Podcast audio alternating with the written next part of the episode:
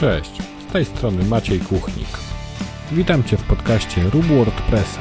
Jeśli korzystasz z WordPressa, to na pewno znajdziesz tu coś dla siebie.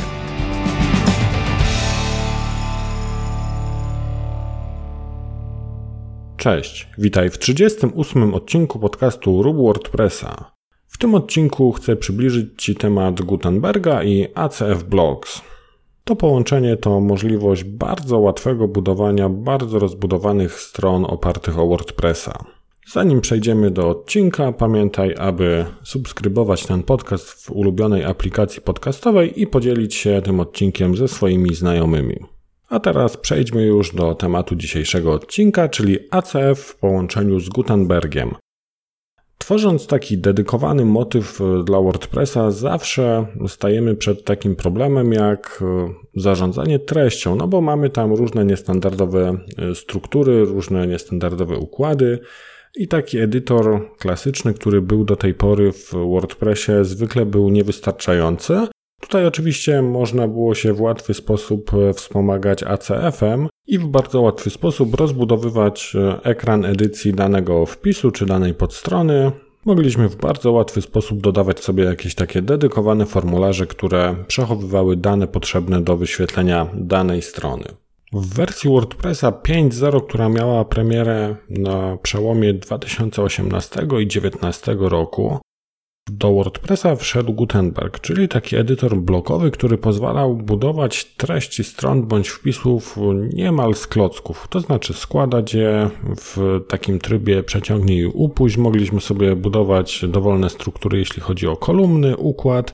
I tam oczywiście posiadaliśmy jakiś pewny standardowy zestaw bloków typu nagłówki, galerie, obrazki, akapity, listy czyli takie standardowe elementy, których używamy bardzo często na stronach internetowych. Oczywiście na początku ten Gutenberg e, miał spore problemy, powiedzmy takie problemy wieku dziecięcego, natomiast na chwilę obecną, czyli w połowie 2020, Gutenberg e, uważam jest e, na tyle dojrzały, że spokojnie można go już stosować w rozwiązaniach produkcyjnych e, i też od niedawna stosuję go produkcyjnie zarówno na prostszych blogach czy prostszych stronach, jak i na takich stronach opartych o właśnie dedykowane motywy.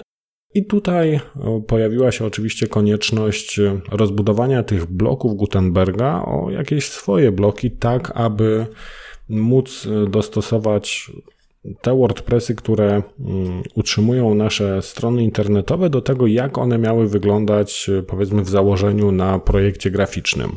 I tutaj oczywiście z pomocą również przyszedł ACF i taki moduł ACF Blocks, który pozwala w bardzo prosty sposób, za pomocą dosłownie kilku linijek, dodać do Gutenberga taki własny blok, taki dedykowany blok, który może wyświetlać właśnie jakieś tam e, treści e, określone dla danego projektu, czyli możemy mieć tam jakiś, e, powiedzmy, rozbudowaną sekcję z treścią, jakiś nagłówek z jakimiś dodatkowymi elementami. No tutaj tak naprawdę już wszystko zależy od tego, co potrzebujemy wyświetlić i w jakiej formie. Mamy tutaj pełną dowolność. W jaki sposób tutaj możemy podejść do stworzenia właśnie takiego bloku? Załóżmy, że robimy sobie jakiś dedykowany motyw i potrzebujemy oprócz powiedzmy standardowych widoków pojedynczego posta, pojedynczej strony, potrzebujemy na przykład sobie zrobić jakieś takie bardziej rozbudowane graficznie sekcje, załóżmy na stronę główną. Tutaj musimy po prostu dodać taki nowy blok, taki customowy blok Gutenberga. I jeśli chodzi o Gutenberga i ACF-a, możemy to zrobić w dosyć prosty sposób. Pod, y, musimy tutaj zadbać o trzy takie mm, podstawowe rzeczy, to znaczy definicję bloku. Musimy zdefiniować potem pola, jakie będą dostępne w edycji tego bloku i musimy sobie przygotować szablon, za pomocą którego dany blok będzie wyświetlany. Tutaj, jeśli chodzi o rejestrację takiego nowego bloku, jest ona, można powiedzieć, zbliżona choćby do rejestracji nowego sidebara w WordPressie czy, czy tego typu rzeczy. Oczywiście link do, do dokumentacji, do funkcji odpowiadającej za rejestrację tego nowego bloku zamieszczę w notatkach do tego odcinka podcastu pod adresem maciejkuchnik.pl łamane na 038. I tutaj w, przy rejestracji takiego bloku musimy podać kilka takich podstawowych informacji, to znaczy nazwę bloku oczywiście, tytuł, opis, Tutaj możemy e, template, który będzie jakby renderował nam ten e, widok już do postaci HTML-a, możemy e, w, na dwa sposoby podać, to znaczy albo możemy podać ścieżkę do, do takiego template'u który znamy choćby właśnie z, z template'ów WordPressa, gdzie, gdzie będzie to po prostu plik PHP, w którym będzie zawarty e, cały kod odpowiadający za wyświetlanie danego bloku. Ewentualnie możemy tutaj podać nazwę funkcji, która nam zwróci właśnie już wyrenderowany blok do postaci HTML-a. Musimy podać kategorię, w jakiej dany blok zostanie wyświetlony. Tu mamy jeszcze dodatkowe opcje, między innymi takie jak e, ikona danego bloku, słowa kluczowe. Możemy również ograniczyć dany blok do użytku tylko na jakichś określonych typach postów, to znaczy możemy zdefiniować sobie na przykład jakiś blok, żeby był on dostępny tylko dla stron, bądź tylko dla postów, ewentualnie dla jakichś customowych typów postów. Mamy możliwość y, tutaj ustawienia takiego domyślnego trybu, w jakim on będzie wyświetlany w Gutenbergu, to znaczy czy będzie wyświetlany w postaci takiej mm, wyrenderowanej, czy może w postaci pull do edycji. Możemy tu również e, podłączyć e, style bądź skrypty, które będą załączone e, właśnie w momencie edytowania tego bloku od strony jakby Gutenberga, ze względu na to, że mm, w, gdy włączymy ten tryb podglądu, no i jeśli nie będziemy mieli na przykład CSS-u, który opisuje wygląd danego bloku, no to po prostu ten blok będzie wyglądał zupełnie inaczej niż po stronie frontowej jeśli sobie otworzymy taką stronę już normalnie z punktu widzenia użytkownika naszej strony. I możemy również podać sobie tutaj jakieś przykładowe treści, którymi dany blok będzie wypełniony na starcie w momencie dodania go do strony czy do wpisu. Jeśli już mamy zarejestrowany taki blog, oczywiście kod takiego, kod rejestrujący taki blog możemy dopisać sobie za pomocą wtyczki, możemy to zrobić w motywie, w motywie potomnym, no w zależności już od tego, jak podchodzimy do, do budowy takich bloków, czy mają być one jakąś integralną częścią na przykład jakiegoś customowego motywu, który tworzymy, czy ewentualnie chcemy sobie takie bloki wydzielić do osobnej wtyczki, tak abyśmy mogli ich używać na wielu różnych stronach z różnymi motywami, niezależnie od, od tego właśnie, jaki motyw bazowy mamy zainstalowany. No to tutaj mamy ten pierwszy krok, czyli mamy zarejestrowany blok. Teraz, aby móc w ogóle cokolwiek wpisać w tym bloku, to znaczy dodać tam jakiekolwiek treści, musimy sobie zdefiniować strukturę pólów w ACF-ie. I tutaj definiowanie tej struktury no, zupełnie niczym się nie różni od tego, jakbyśmy chcieli dodać jakieś dodatkowe pola, choćby do, e, do ekranu edycji naszej strony, naszego wpisu. Dodajemy sobie pola takie, jakie potrzebujemy, czy to jakieś pola tekstowe, czy obrazki, czy ewentualnie jeszcze jakieś inne pola, które ACF pozwala nam dodać.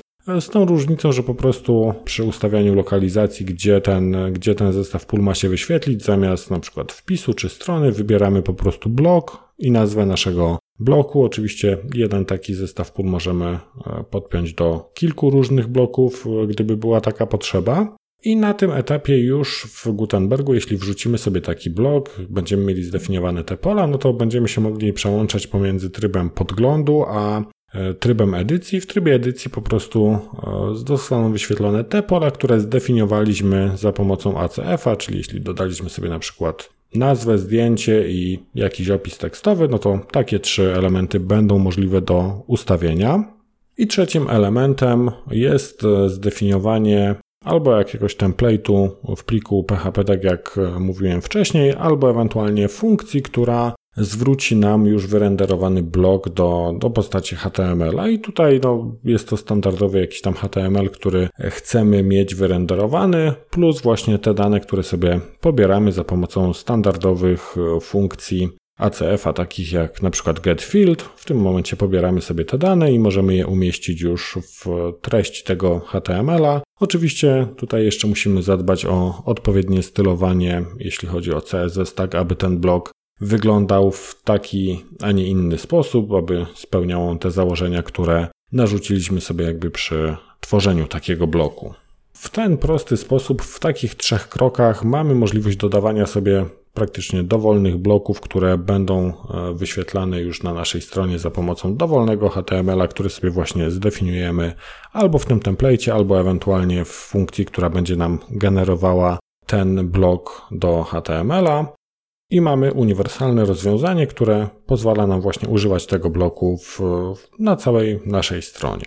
Tutaj, jeśli chodzi o zalety tego rozwiązania, to przyznam szczerze, że dla mnie największą zaletą przejścia na, na taki sposób tworzenia właśnie nowych stron, nowych motywów było przede wszystkim to, że mogłem bardzo, bardzo szybko przeskoczyć sobie stworzenia stron za pomocą na przykład ACF-a, gdzie tam poszczególne sekcje miałem wydzielone do, do jakichś e, ACF-owych formularzy, na Gutenberga i nie wymagało to ode mnie bardzo dużego nakładu czasu, na przykład na wdrożenie się w jakąś nową technologię. Po prostu kilka przykładów z dokumentacji sobie przejrzałem, wszystko stało się jasne.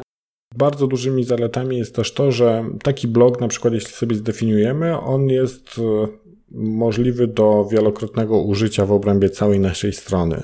A bardzo często się zdarza, że projekt graficzny jest przygotowany w taki sposób, że te bloki powtarzają się na przykład na różnych podstronach, a jedynie co je różni to na przykład treści bądź na przykład jakieś tam delikatnie e, inne ułożenie pól, więc to wszystko sobie można oprogramować za pomocą właśnie takich bloków Gutenberga i jeden taki blok potem można wykorzystywać na nawet wszystkich podstronach naszego serwisu, jeśli będzie taka potrzeba. Oczywiście tutaj też na starcie dostajemy całe dobrodziejstwo Gutenberga, czyli to wszystko, co mamy natywnie w Gutenbergu, jest do użycia i choćby tak podstawowe rzeczy jak jakiś tam podział kolumnowy, czy jakieś tam, nie wiem, nagłówki, listy, akapity, to wszystko mamy już standardowo wbudowane. Dodamy sobie kilka takich właśnie dedykowanych bloków i możemy bardzo szybko stworzyć właśnie taki dedykowany motyw do, do WordPressa, który będzie odzwierciedlał projekt graficzny i jednocześnie będzie bardzo elastyczny pod kątem e, tworzenia na przykład kolejnych podstron. W tym momencie jestem w trakcie akurat tworzenia takiego projektu, gdzie tak jak mówię, jest jakiś tam zestaw bloków i można powiedzieć z jakiejś tam zamkniętej listy bloków jest e, stworzone ileś tam różnych wariantów podstron. Dodatkowo tutaj zaleta też dla osoby obsługującej potem taką stronę, że bez ingerencji programisty może sobie stworzyć po prostu nową podstronę z wykorzystaniem tych wszystkich bloków, może je sobie ułożyć w dowolnej kolejności, w dowolnej konfiguracji, więc tutaj na ten moment widzę same zalety i też myślę, że Gutenberg jest już na tyle dojrzały, że można spokojnie go wykorzystać produkcyjnie, a w połączeniu właśnie z ACF-em Myślę, że będzie to świetna para do szybkiego tworzenia takich dedykowanych motywów. Tutaj też dużą zaletą jest to, że możemy sobie od razu te bloki podglądać w edytorze, to znaczy przełączać się między tym trybem wprowadzania treści, a między trybem właśnie podglądu. Oczywiście musimy tutaj pamiętać o tym, aby odpowiedni CSS czy ewentualnie jakiś JavaScript był również podpięty pod e, edytor, tak aby w momencie edycji ten CSS był e, obecny i stylował nam dany blok. Tutaj musimy też e, pamiętać o tym, że podpinając taki CSS do Gutenberga, musimy też bardzo uważać z selektorami, aby na przykład e, za dużo nie złapać i nie wpłynąć jakoś tam negatywnie na wygląd całego panelu administracyjnego, więc tutaj też trzeba rozważnie podchodzić do budowania tych selektorów i robić je w taki sposób, aby one faktycznie dotyczyły tylko tych elementów, które są tam niezbędne. Tutaj muszę przyznać szczerze, że bardzo optymistycznie podchodzę do tego rozwiązania.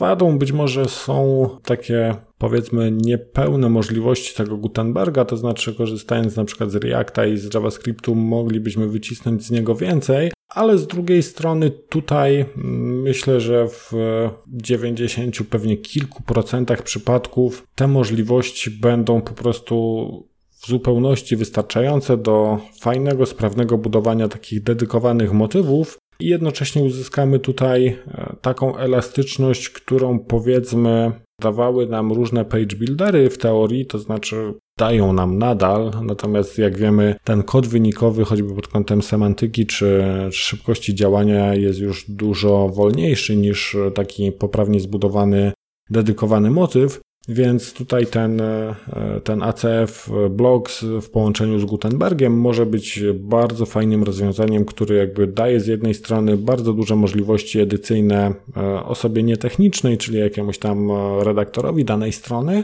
a z drugiej strony od strony dewelopera pozwala szybko i dobrze wdrażać właśnie te motywy pod kątem takim choćby właśnie semantyki kodu i, e, i ogólnie takiej czystości bez ładowania jakichś tam nadmiarowych modułów czy nadmiarowego kodu, jaki znamy z e, wszelkich page builderów.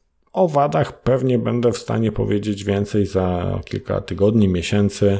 I być może pojawi się kolejny odcinek podcastu, w którym podzielę się z Wami jakimiś takimi wnioskami z pracy, powiedzmy po, po wdrożeniu, nie wiem, 10 stron, na przykład za pomocą tej pary ACF Blocks i, i Gutenberg.